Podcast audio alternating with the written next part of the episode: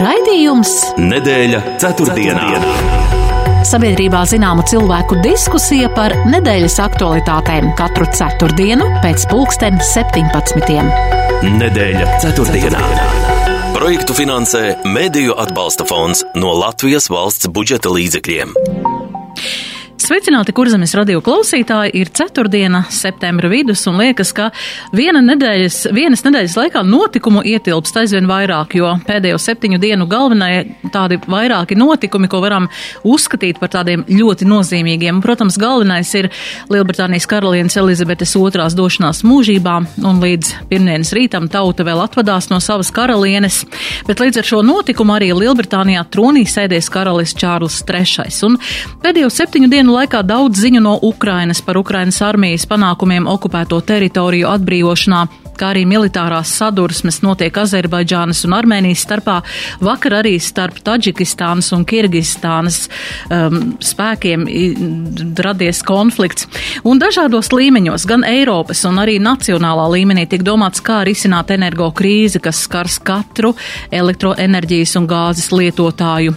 Eiropas komisijas vadītāja Urzula Fonderleina plāno visaptverošu elektroenerģijas tirgus reformu, lai Eiropas Savienība varētu pārvarēt Krievijas kara izraisīto enerģētisko krīzi. Arī Latvijā dažādu notikumu virpulis, un šodien finanšu ministrs Jānis Reirs no amata atbrīvoja valsts ieņēmumu dienesta ģenerāldirektori Ievu Jaunzemi un uzdevis ar, arī lemt par vidu nodokļu un muitas policijas pārvaldes direktora Kaspara Podiņa atbildību un atstādināšanu uz pārbaudas laiku.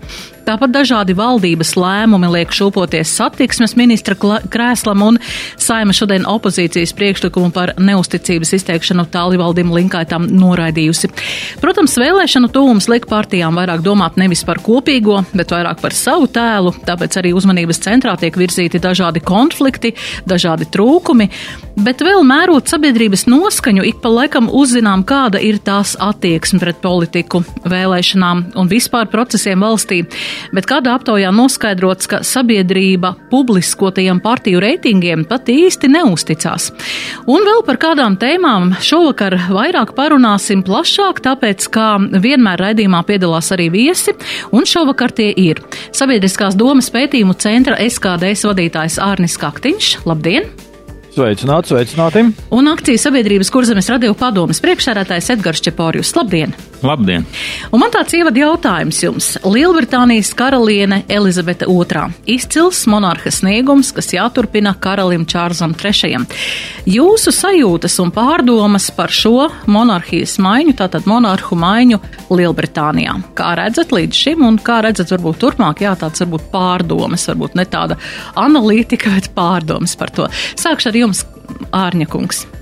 Nu, es atzīšos, man nav nekādu īpašu pārdomu. Es zinu to, ka arī Latvijā diezgan daudzi Mums ir bijušas kaut kādas aptaujas, kur mazliet šai, šai tēmai esam pieskārušies, tad zinu, ka uh, tiešām daļa Latvijas iedzīvotāju arī tur dzīvo ar to visu, seko līdzi viņiem. Tas kaut kā šķiet tur svarīgi un būtiski, un, un, un, un, un, un iespējams tas ir saistīts ar kaut kādu mūsu specifiku, ka mums pašiem nav, tad tur gribētos, lai būtu kaut kas savs. Nu, ja nav savs, tad tu tur tā intensīvi skaties uz to, to importu, kā tur tiem ārval, ārzemju ķēniņiem iet. Un mēs zinām, ka, nu, kā es saprotu, modernajā pasaulē viens no elementiem ir tāds, ka tas arī savu veidu, tāds jau, varētu teikt, popkultūras elements. Katrā gadījumā tās monarhijas, lai viņas saglabātos, lai nodrošinātu, kā tagad moderni mēs sakam, savu ilgtspēju.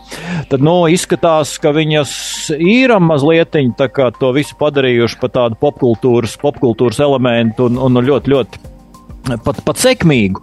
Bet man nav personīgi par to kaut kāda emocionāla sasaiste, kaut kāda dziļa, padziļināta interese, ka es tagad ar šito dzīvotu un, un, un sekot līdzi un šausmīgi pārdzīvot, kādas tur tās attiecības, kas tur bija kaut kāda megana, jā, un tad vēl kaut kāds princis un kas tur kaut kādi tur, tur, tur, tur viņiem tur kaut kādas intrigas, kaut kādas, jā, un tad kas nu tur kā tur, jā. Nē, nē, manā dzīvē man pietiek citu lietu, kam sekot līdzi. Bet es neko sliktu negribu teikt. Nu, normāli, tur tas tā ir, un, un, un, un, un, un, un visi mēs esam irstīgi, runājam par šo konkrēto gadījumu, un tad agrāk vai vēlāk jau visi mēs šo pasauli atstāsim, kā redzam arī, arī ķēniņu un ķēniņienes. Jā, paldies, Edgars, tavs skatījums uz šo. Nu, man ļoti līdzīgs šis tā dziļi personiski un pat sekli personiski nav skārs. un droši vien arī neskars, jo, jo nu, tas tomēr tā ir cita kultūra, un tas mums jāsaprot. Britiem karaļnams, tāpat kā braukšana pa ceļu kreiso pusi un fish and chips ēšana, ir tāda lieta, ko mēs līdz galam nesaprotam. Savukārt viņiem tas ir ārkārtīgi svarīgi. Un, nu, tieši tā, lai viņi ar to dzīvo, un, un, un, un tas visdrīzāk viņu dzīvē piedod jēgu, jo, jo, nu, kā Arnis arī teica, tas ir tāds tai pašā laikā popkultūras elements, tas ir Lielbritānijas tomēr zīmols karaļnams, un joprojām arī atsevišķām kolonijām. Ļoti skaisti, ka tāds ir. Nu, acīm redzot, viņiem tas, tas der. Mums, mums ir savādāk. Mums ir nu, savādāk. Es, es varētu piebilst, es pieņemu priekš Britiem visdrīzāk tas ir tā tāds identitātes elements, vai ne? Viņi, nu, tas tomēr ir viņu gabals no viņiem, viņa to, to identificējās. Un tad, protams, tā kā, kā tā popkultūra strādā, nu, kad, kad, kad, kad es saprotu, publika arī Latvijā jau nu, tam visam seko līdz kā tādam seriālam savā, savā ziņā, vai ne? Ka tas ir tāds, tāds tur bija kaut kāds gudrais, gudrais vārds, ka šitie bija tas, nu, tas kas seriāli, kas notiek reālā laika režīmā, vai ne? Ka tev tur kaut ko rāda, un tu zini, ka tas nav tā kā varbūt iestudēts, bet tas ir īsts reality show, oh, realitātes šovs, vai ne? Mm. Un, nu, kāpēc ne? Nu, mūsdienu mediju pasauli tad sabiedrībai piedāvā. Nu, tu vari skatīties tur kanālā kaut kādu vienu realitātes šovu, citu realitātes šovu, vai ne? Tur arī politika, es saprotu, par kur mēs mazliet runāsim, ir savu veidu realitātes šovs, un mēs zinām, ka daļa iedzīvotāja to dzīvo un seko līdzi. Nu, tad arī tur, tur intrigas un peripētijas karaliskajā galmā ir, ir, ir realitātes šovs.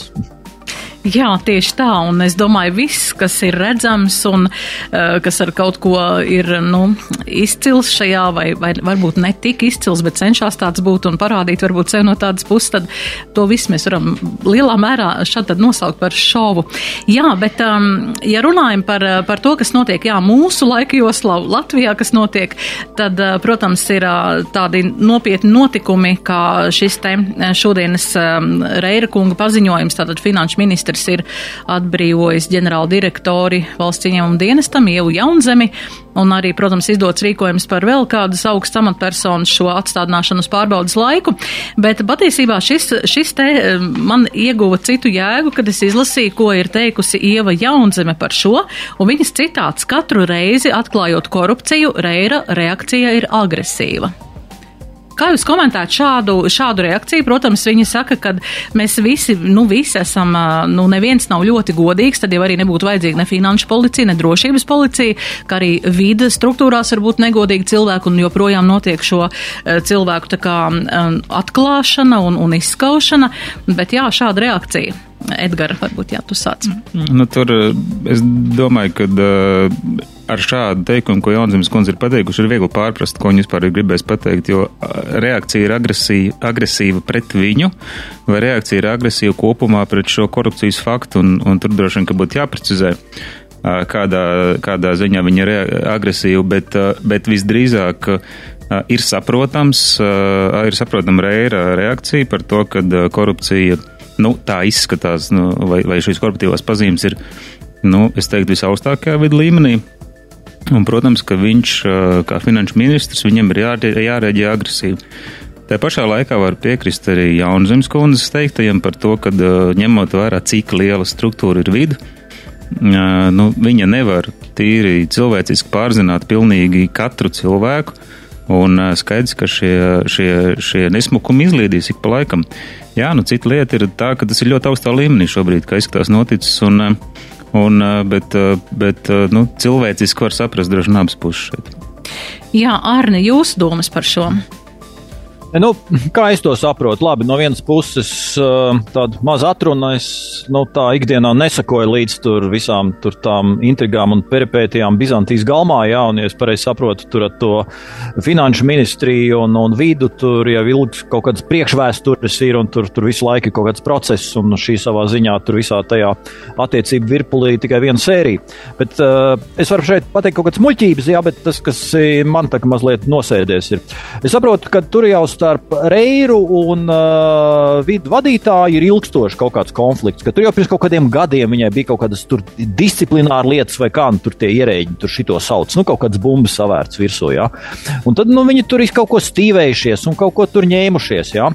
Un tad atkal tas viens, nu, tas viens aspekts, tur būtu daudz aspektu, jā, kad nu, arī kāpēc zināmā mērā šīs lietas notiek. Mēs zinām to, ka kaut kādas pārmetumus piesieties var visam, pat mietam var piesieties, vai ne?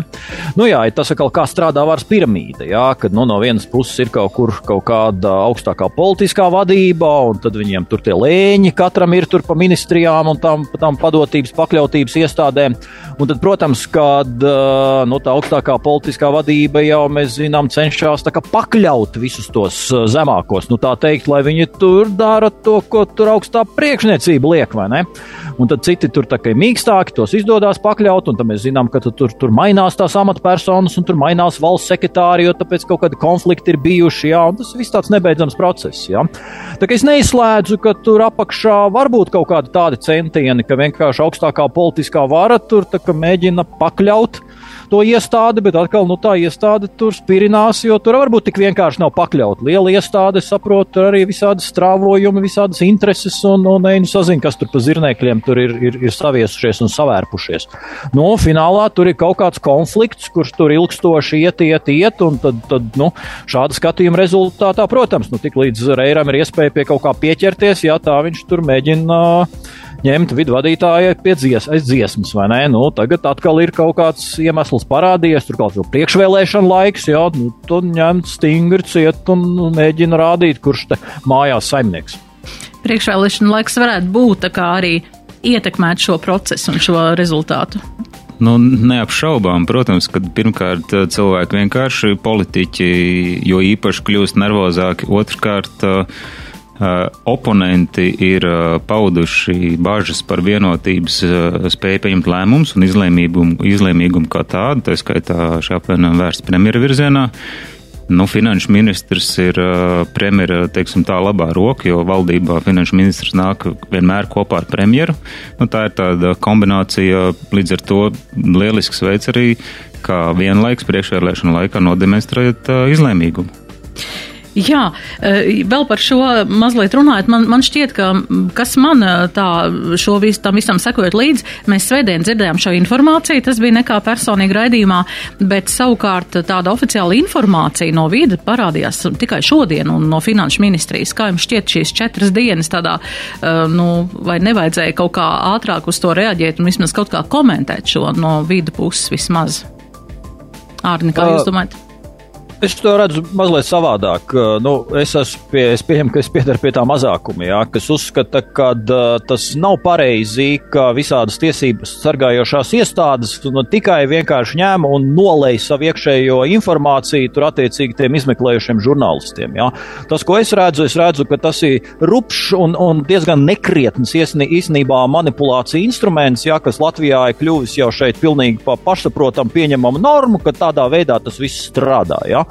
Un uh, es neatbalstu. Es neuzskatu, ka tas ir pareizi, ka tas tādā veidā notiek. Ja? Man šķiet, ka tajā brīdī, kad tur tiesības sargājušās iestādes tur noskaidrojuši, tad viņiem būtu arī ar to visu jānāk klajā, nevis jānodarbojas ar kaut kādām manipulācijām, to nolējot kaut kādiem zināmiem žurnālistiem. Jā. Lai kāda arī mm -hmm. tie mhm. nebūtu. Mums tas noteikti tādā otrādā, otrādā formātā. Nu, vienkārši tur ir kaut kādas manipulācijas. Tur atkal mēs redzam iekšā, ka patiesībā tā lieta ir netīra. Ja? Man gribās teikt, tā lieta ir vienkārši netīra. Ja, ja es redzu, ka viņa tiek risināta šādā veidā, jo tas eh, tīrais veids būtu, nu, ir iestādes, ir kaut kādas lietas, kaut kādā brīdī kritiskā masa, viņi sasauc preses konferences, saka, te šitā, te mēs esam ierosinājuši, te ir kaut kādas problēmas. Ja? Un mēs redzam, nē, tur kaut kādā brīdī kāds kaut ko jau nolēja, lai tur kaut kur jau mēdījos jau kaut kādi dokumenti noplūst un tā, tā tālāk. Ja? Man tas vedina domāt, ka tur apakšā ir kaut kas netīrs. Ja? Es, vismaz es to tā redzu. Jūs man varat oponēt, jūs labāk zinat to žurnālistu sunftas skatu punktu. Mm. Edgars, kā tu domā? Uh, nu, es piekrītu tam, kad, uh, kad šī nolaišana, kā Kārnis teica, vai šī, šī informācija tiesību sargājušās iestādēs atsevišķos gadījumos ļoti slikti turās un viņi tiešām uh, izplūst uz āru. Protams, kad ir fantastiski, ja ir žurnālisti, kas spēj to izskaidrot, izkalkulēt, izdomāt un, un, un aprakstīt. Bet nu, tieši tā, ja tā ir informācija, iekšēja izmeklēšanas informācija, turklāt iespējams nepārbaudīt vēl, un viņa tiek izmantot kā instruments, lai izdarītu galu beigās spiedienu uz, uz vienām vai otrām iestādēm vai amatpersonām, tas nav pareizi. Nu, tā tam nebūtu jānotiek, jo nu, gala beigā, beigās katram, katram no, no vāras pārstāvjiem, nu, žurnālistika, ja presa ir ceturtā vāra, ir jānodarbojas ar, ar lietām, ar kurām viņiem jānodarbojas un, un pareizā veidā. Jā, mēs aiziesim mazliet reklāmas pauzītē un turpināsim pēc tam raidījumu. Nedēļa ceturtdienā. ceturtdienā.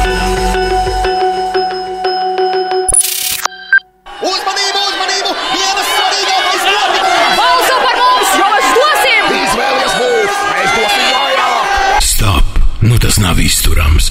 Izvēlies mani, es, Rosīgs Čakls, varbūt vēss un neuzbāzīgs, varbūt karsts un patīkami kaitinošs. Rudens PTA Dabju 3 aveikalā visplašākais sildītāju klāsts par svelmaini karstām cenām. Daram, ka mēs jums daram! PTA Dabju 3A www.pta.lv TV3 piedāvā Ziloni studijā. Atsevišķi temati mūsu sabiedrībā ir kā liels zilonis šaurā istabā. Liekais svars bērni un telefoni, idioti pie stūres un netradicionāli laulību modeļi ir tikai daži no tiem. Izrunāsim un meklēsim ceļu uz saprašanos. Ar 19. septembri no pirmdienas līdz ceturtdienai 5. TV3. Nedēļa ceturtdienā. ceturtdienā. Un mēs turpinām raidījumu nedēļa ceturtdienā. Šodien studijas viesi Edgars Čepārjus un Ārnis Kaktiņš. Jā, tā mēs eh, politiku veidojam un arī sabiedrībai savi priekšstati par politiskiem procesiem. Un, um, cik tagad es skatījos pēdējo faktu un pētījums, kas bija veikts eh, ap 4. 4. septembrī publiskotais, tad 51% no sabiedrības ir gatavs no balstiesīgajiem piedalīties vēlēšanās. Es domāju, tas ir ļoti, ļoti maz.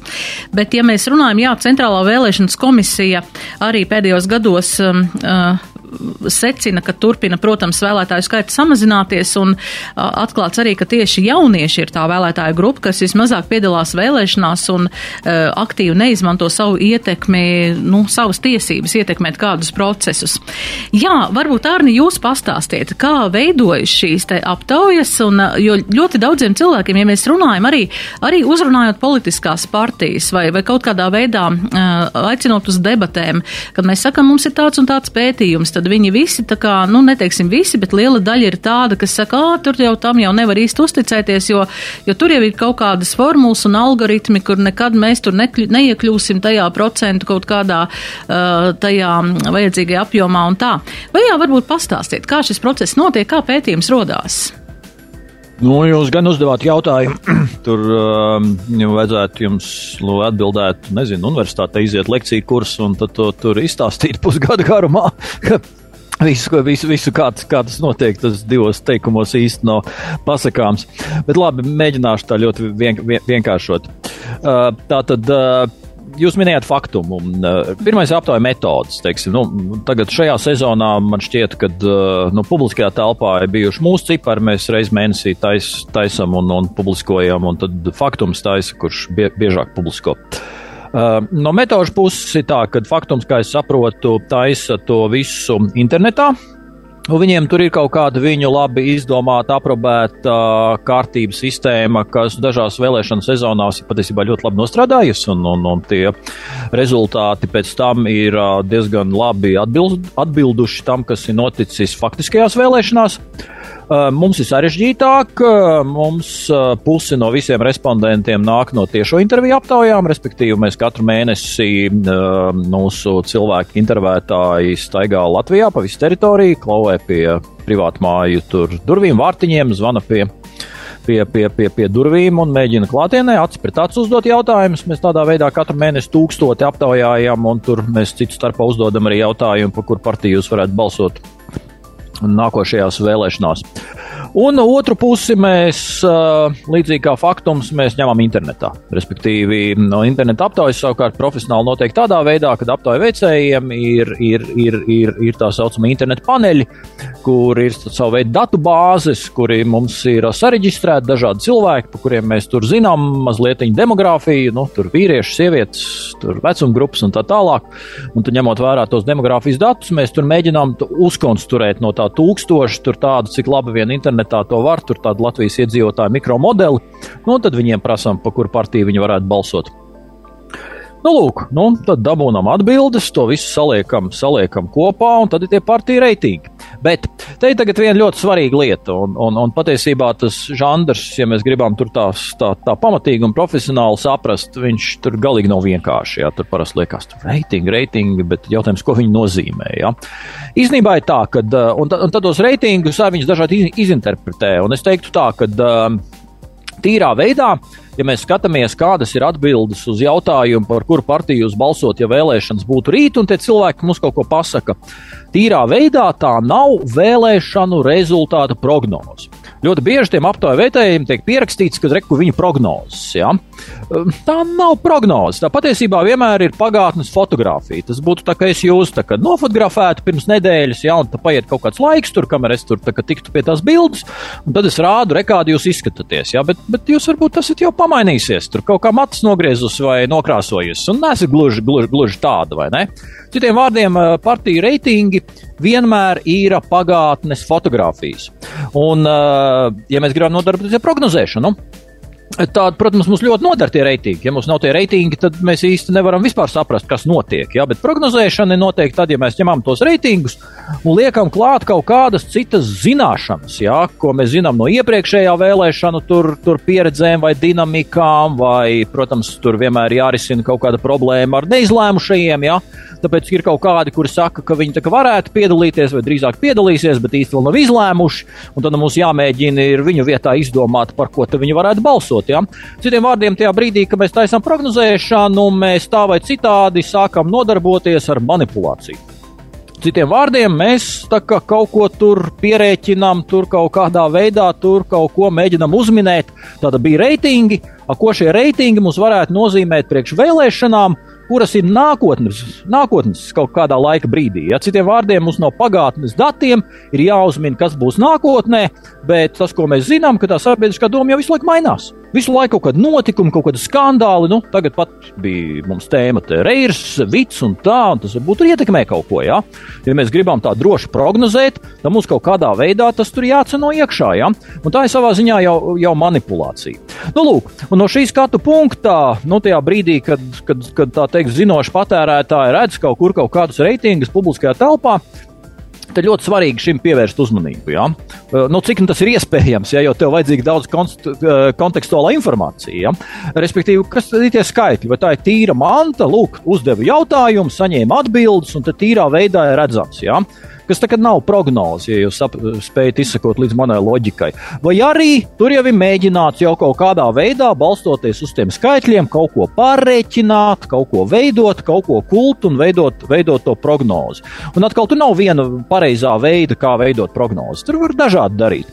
Un, teiksim, tajā brīdī, kad mēs, nu, mums ir sadarbība ar, ar Latvijas televīziju, mēs katru mēnesi taisam, sūtam materiālu. Tad tur ir kā, divas lietas. Tur mēs gan rādām tā teikt, tīrā veidā, kas mums bija sanācis, un tad ir tad, tur arī tāda savu veidu mūsu prognoze, ja?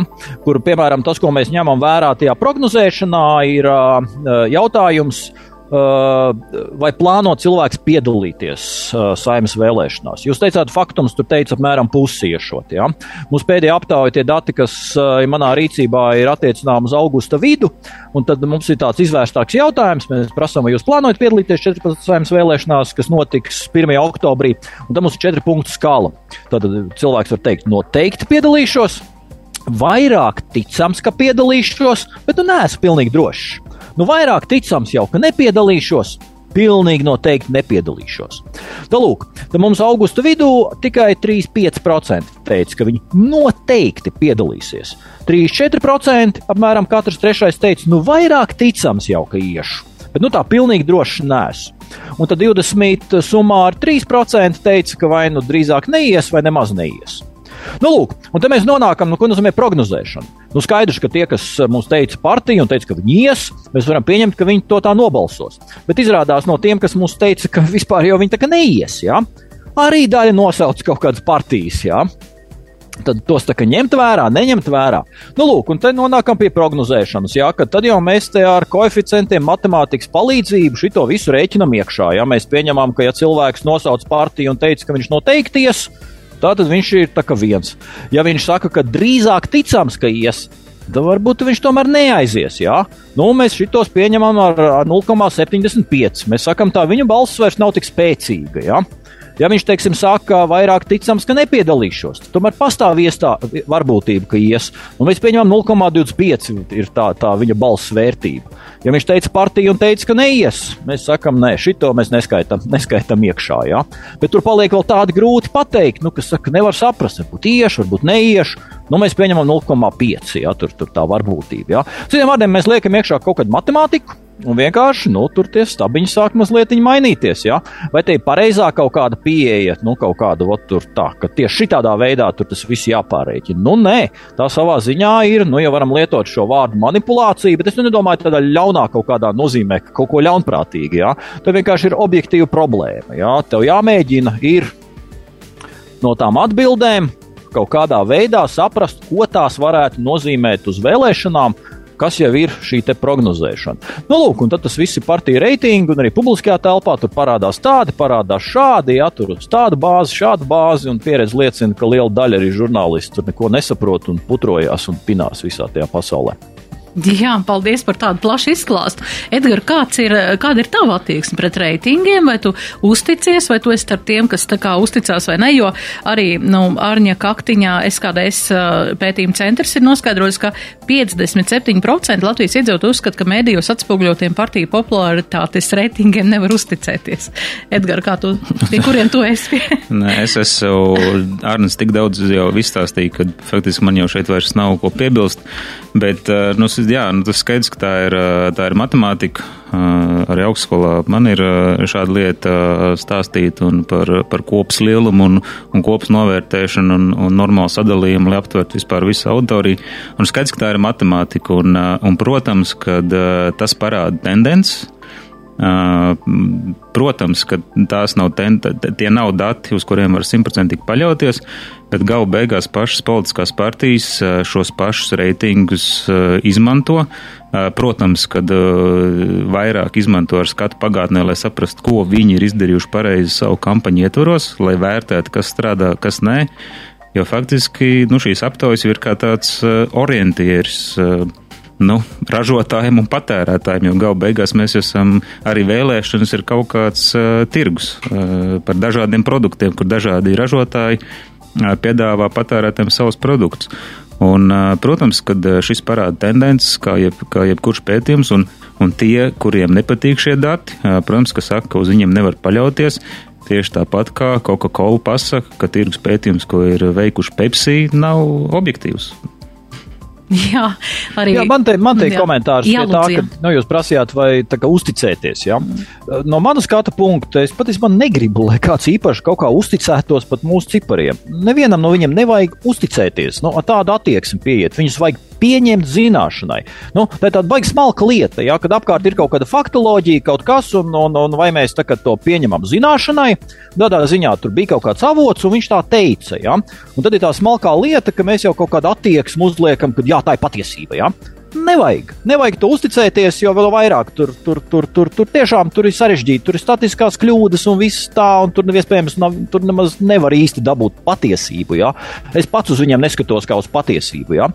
bet vajag pieņemt zināšanai. Vajag pieņemt zināšanai, ka jā, tur tāds avots samērīts, redz, viņa teica tā, un cits avots teica kaut kā šitā, un tad mēs varam salīdzināt un redzēt, te viņiem sakrīt, te viņiem atšķirās, bet nevajag uz viņiem skatīties kā uz kaut kādu patiesību, vai vairāk kaut kādā iemesla dēļ sākt viņiem uzticēties. Nu, kāpēc lai viņiem uzticētos? Ja?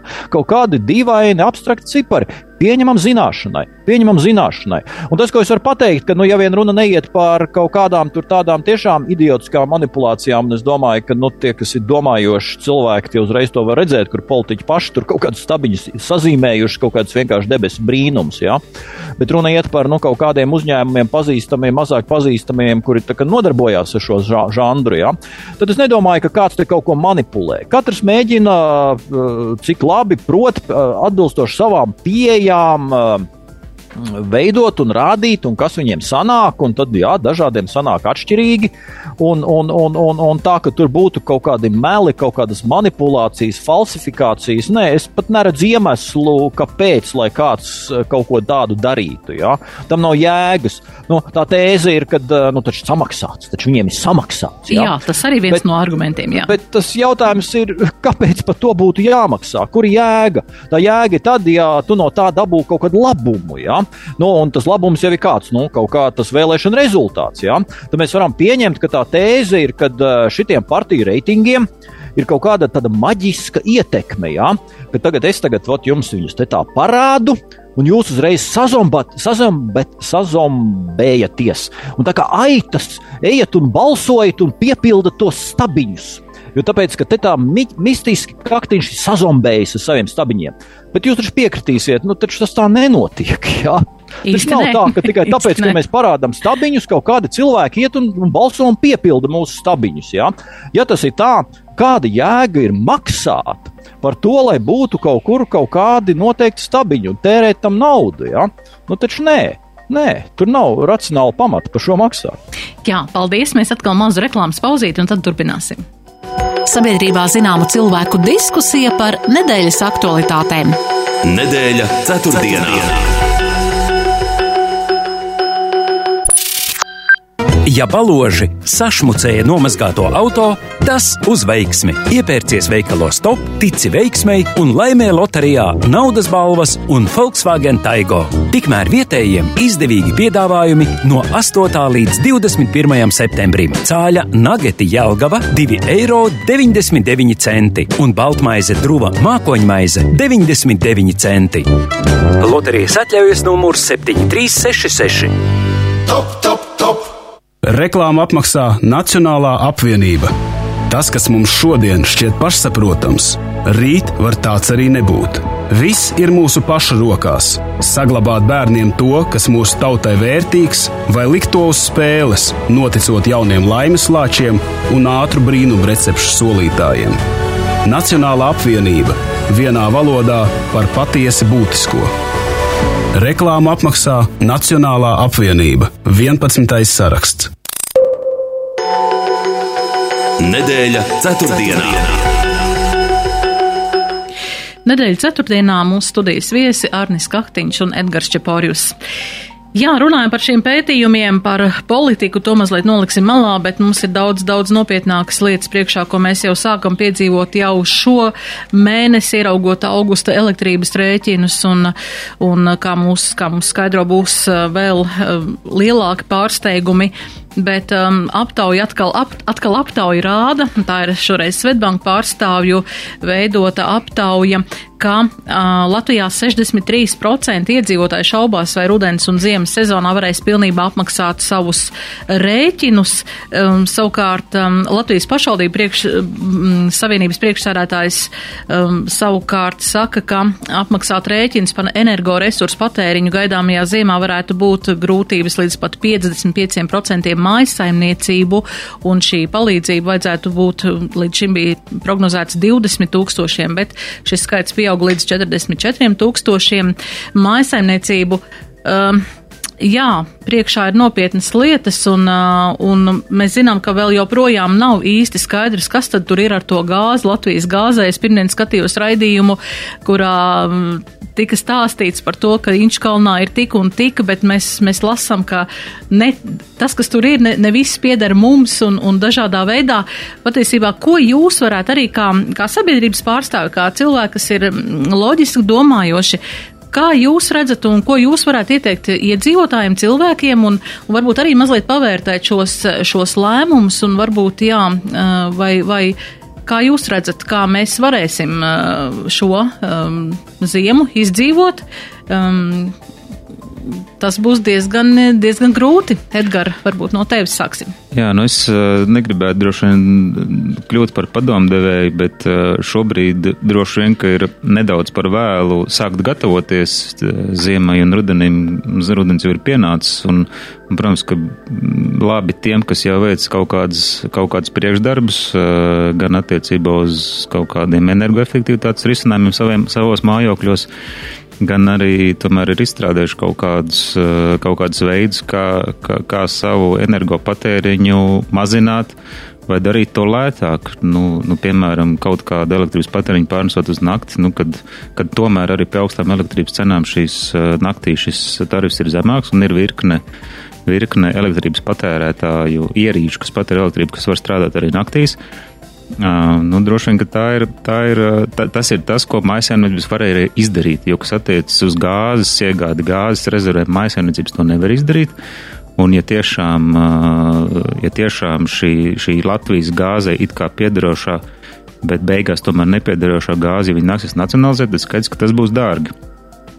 Bet nu, labā ziņa tā, ka izskatās, ka kaut kāds gāzes apjoms Inčkalnā vispār ir. Bet uh, otra problēma, stipri lielāka, manuprāt, tomēr nekā mēsēniecībām, ir, uh, ir, ir uzņēmumiem, kuri gan savukārt to pašu elektrības patēriņu nevar pārnest kaut kādu daļu uz nakti, jo jāstrādā ir ļoti daudz rūpnīcu strādā 24-7 režīmā. Un, un viņas nevar, nevar aizslēgt, jo līdz ko viņas aizslēdz, tā tās ir darbiniekiem dīkstāvs, tā tās ir iespējams, iespējams atlaišanas, un tad faktiski mēs nonākam pie tāds sniega bumbas efekta, ka, kurš sāks ar to, ka uzņēmumi nespēja ražot konkurētspējīgu produkciju, viņi ir spiest atbrīvot darbiniekus, tas ir sloks uz sociālo budžetu, un gala beigās mēs esam nonākuši tumšās augstā, augstās telpās ar veselu virkni cilvēku bez darba, kas, nu, kuriem likums paredz pabalstu. Jā, nenoliedzami. Nu, tas uh, iezīmē šādu ainu, un Nodarbinātības valsts aģentūra jau ir saņēmusi šī gada astoņos mēnešos uh, par kolektīvo atlaišanu paziņojums no 22 uzņēmumiem, un, un tas ir tāds nopietnas cipars, kas ir tikai astoņos mēnešos. Protams, no 1. līdz 12. septembrim vēl tādu uh, pieteikumu nav, bet katrā ziņā uzņēmumi par to domā. Ārni, kā jūs redzat šādu un vispār šo uh, valsts līmenī šo, šīs problēmas risināšanu? Nu, te jau nepat jau iezīmējās. Tā situācija ir diezgan bēdīga. Un, un, un nu, ko nu mēs šajā brīdī daudz varam darīt? Tik tiešām, nu, individuālā līmenī, protams, ka varbūt varam mēģināt tērēt mazāk elektrību, tā teikt, nu, nestīties televizoru, jo viņš arī tur kaut kā mēģināt lasīt grāmatu.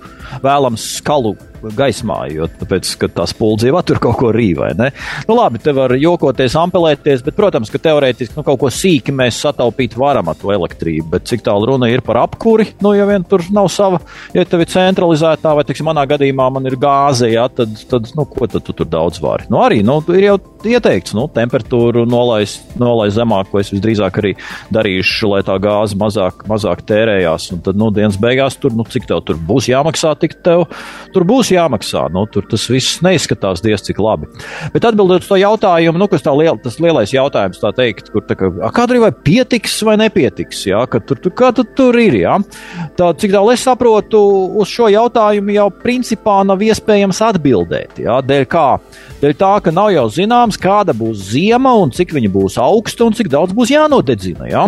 Tur ir kaut kāds noteikts daudzums, un, un ja ziema iegadās kaut kāda silta, tad tur nevajag pārāk daudz nodedzināt. Un tad to, kas tur ir, viss tīri labi pietiek. Ja, ja ziema iegriežās augsta, augsta, augsta un vajag ļoti daudz eh, dedzināt, lai tas sildītos, nu, tad tur kaut kā, kaut kā var būt pa īsu. Ja. Un te ir otrs faktors, kas saprot arī līdz galam ir nezināmais. Tur tie paldiski vai kas tur, tur ceļ to kaut kādu terminālu, un tur skaidrības īsti nav. Vai tur, tur sanāks, nesanāks, tur, tur viss izdosies pēc plāna, neizdosies, izdosies, vai tur varēs piepirkt klāt, vai nevarēs piepirkt klāt. Nu, kas īsti no mums nav atkarīgs. Ja? Nu, lūk, un divi šie faktori līdz ar to tos jautājumus, nu, tā kā droši, vai tā kā pietiks. Ja? Nu, viņš īstenībā nav atbildāms. Jā. Nu, dzīvos, redzēs, un tad jau kaut kā tur vadīsies pēc apstākļiem. Nu, katrā gadījumā es domāju, ka dzīvība jau Zemes un Latvijā tāpēc arī neizbeigsies, ja te būs viena tāda skarbāka ziema. Bet nu, tas otrs faktors arī man, tas, tas man visvairāk apbēdina, ja, jo tur mājsaimniecība līmenī jau kaut kā tur, tur kaut kā jau tur ģērbsimies siltāk, jā, un, un kaut kā tur jau pār, pārcietīs. Bet tieši tā, mums ir ļoti daudz biznesa, viņiem ir elektrība, arī viņi patērē energoresursus, un tur ir cenas, izmaksas. Viņiem tas viss jāceno pēc tam iekšā, ir preču pakalpojumu cenā, kas pēc tam mums jāmaksā, ko mēs saucam par inflāciju. Un tā vēl ir vajadzīgs mūsu eksports, mūsu globālā konkurētspēja. Un uh, tas viss šajā aspektā notiekošais mani ļoti, ļoti apbēdina. Mm. Jā, mums ir arī Eiropas komisijas um, tātad vadītāja um, Lejenas kundze Urzula Fonderlejena nākus klajā ar, ar tādu priekšlikumu Eiropas Savienības līmenī vispār pārveidot visu šo visaptverošās elektroenerģijas tirgus reformu veidot, un tur ir iesaistīti arī šie, šie uzņēmumi, kas ražo um, enerģiju un, un dažādā veidā apturēt kāda, nu, kas neizmanto gāzi, Eh, enerģijas ražošanai, var sakot, neļaut viņiem nopelnīt šajā laikā, zinot, ka, piemēram, to, to pašu koku vai, vai kādas eh, šo materiālu dedzināšanu un izmantošanu siltumenerģijā varētu tā kā viņi pacelt cenu. Tur dažādi šie interesanti bija palasīt šos priekšlikumus. Uh, savukārt mums Latvijā, es zinu, ka um, labi, mēs nevarēsim varbūt daudz tur ietekmēt šo, šo gala cenu, uh, bet palīdzēt iedzīvotājiem, labi, tas nebūs īsti uzņēmējiem, bet, bet iedzīvotājiem ar to, ar to pašu PVN samazināšanu pārtikai joprojām noraida un noraida šos. Varbūt iedzīvotājiem arī šādā veidā var nākt pretī tieši mājasaimniecībām, tieši ģimenēm. Jā, Ārni, Klau, šajā sakarā kas man šķiet, un, un, un šeit es īsti uh, nu, nepiekrītu tai mūsu politikai, valdības politikai, un galīgi viņu neatbalstu. Mēs redzam, ka arī citās valstīs, un, un tās lielas un nopietnas valstis, un, un, un, un ļoti daudzās, jā, saistībā ar šo enerģiju. Ko var darīt valdība? Viņa pirmā lieta, viņa samazina uh, gāzei, elektrībai, šiem te enerģijai PVN, jo tas ļoti svarīgi, kā veidojās tā cena. Ja? Nu, ir kaut kāda cena, un tā valsts liek mums virsū tos 25%. Ja? 21% 20 nozīmē, ja cena ir dubultojusies, tad īstenībā arī PVN tiesa ir dubultojusies. Tas nozīmē, ka arī valsts iegūst virspēļu divreiz vairāk iekasē no mums. Ja? Un esošajā situācijā es uzskatu, ka tas ir vienkārši nekrietni no valsts, skatu, no valsts puses, skat, puses skatoties. Tas ir nekrietni šajā gadījumā, ja nepietiek, ka tā jau viss ir divreiz, trīsreiz, piecreiz dārgāks. Attiecīgi arī valsts no mums paņem divreiz, trīsreiz, četreiz, piecreiz vairāk. Labi, viņiem ir arguments. Viņi saka, nē, nē, nē, bet iedomājieties, kas būs. Tad, tā, ja nocels, ja paņems nost, tad taču visi vienādi tur dabūs to labumu. Ir tas tur tie trūcīgie un arī tiem bagātajiem būs mazāk. Nē, mēs izvērtējam izvērtēsim katru gadījumu atsevišķi. Jūs nāciet ap papīriem, rādiet, pierādiet, cik jūs tur trūcīgi, un tad mēs trūcīgajiem dosim, bet šķēlēm Lembergam mēs nedosim. Ja? Nu, nē, nu, nē, nu, kurš to var izvērtīt? Nu, jūs paši iezo, mm. iezīmējāt, neiet runa par kaut ko, runiet par, nezinu, pusi, lielu daļu sabiedrības. Ko viņi tur tagad pieņems tur vidā vai tur, tur, tur labklājības ministrijā? Vēl tur 10, 20 tūkstoši ierēģņu, kas tagad ņems un izvērtīs atlikušo sabiedrības daļu. Ja? Un atgriežos, ko es sāku. Ja? Es redzu, ka lielās attīstītās valsts šajā brīdī vienkārši ņem un met nost PVN. Nu, ka visi dabū šo labumu. Arī biznesa, ko mēs runājām, ja? arī tur ir problēmas, arī tur ir darba vietas un tā tālāk. Vienkārši ņem un visiem solidāri met nost PVN. Un tam man liekas, kāpēc mēs to tā nevaram. Pie mums pat tādas nopietnas diskusijas par, par, par šo nav. Ja? Te kaut kādas palīdzības programmas kaut kādas izstrādāšot, ja? katru individuāli izvērtīšot. Nu, Latvija ir dīvaina vieta. Jā, nu, Tā mums ir, Edgars, varbūt jāizvēl tavs komentārs. Kā...